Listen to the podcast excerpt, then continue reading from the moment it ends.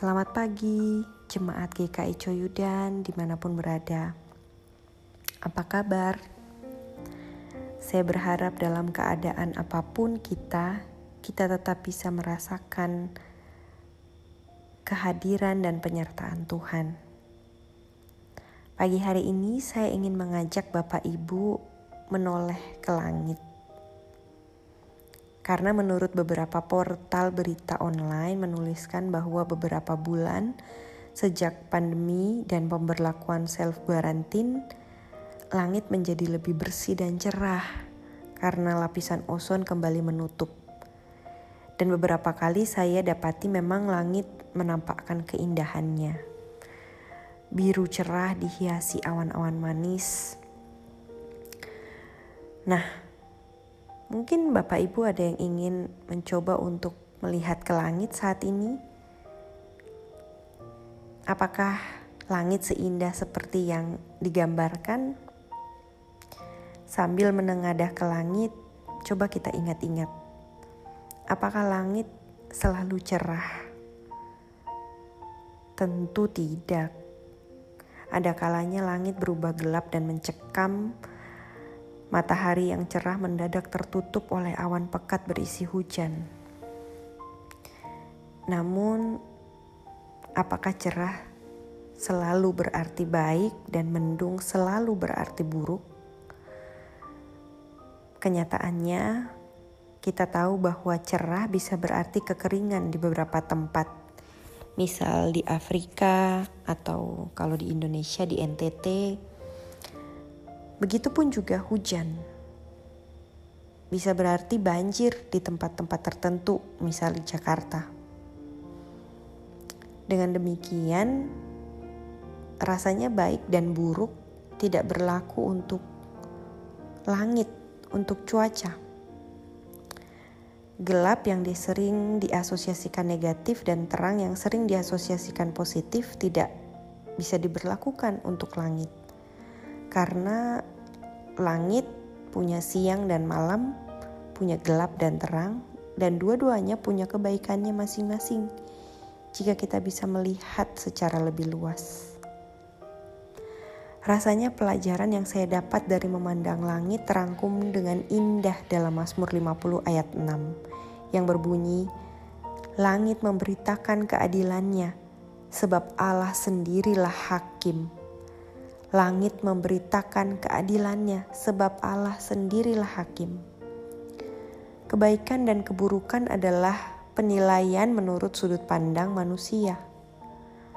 Penilaian baik dan buruk sering kita pakai untuk situasi hidup atau sehari-hari kita. Hari ini baik karena cerah, hari ini buruk karena hujan karena begitu banyak masalah yang datang menimpa. Atau mungkin juga dipakai sebagai penilaian kita tentang orang lain. Ah, orang itu baik. Tapi yang itu tuh gak baik, buruk orangnya.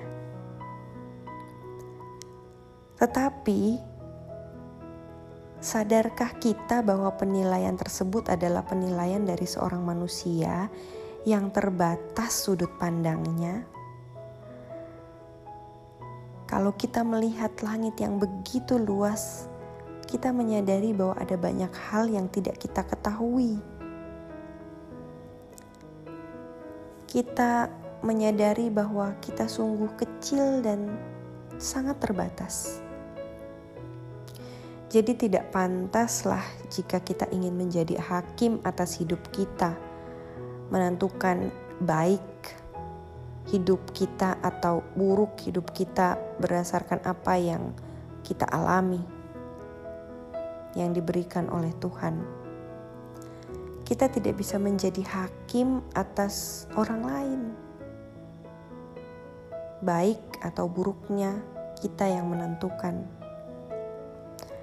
Karena dengan memandang langit, kita akan melihat keadilan Tuhan yang sangat luas dan tak mampu kita pahami.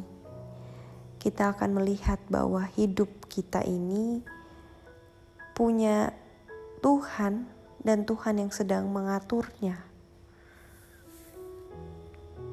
Yang perlu kita lakukan hanyalah percaya bahwa Ia adalah hakim yang adil, yang mampu menimbang baik dan buruk tujuh juta kali lebih baik daripada kita, bahkan mungkin lebih daripada tujuh juta kali.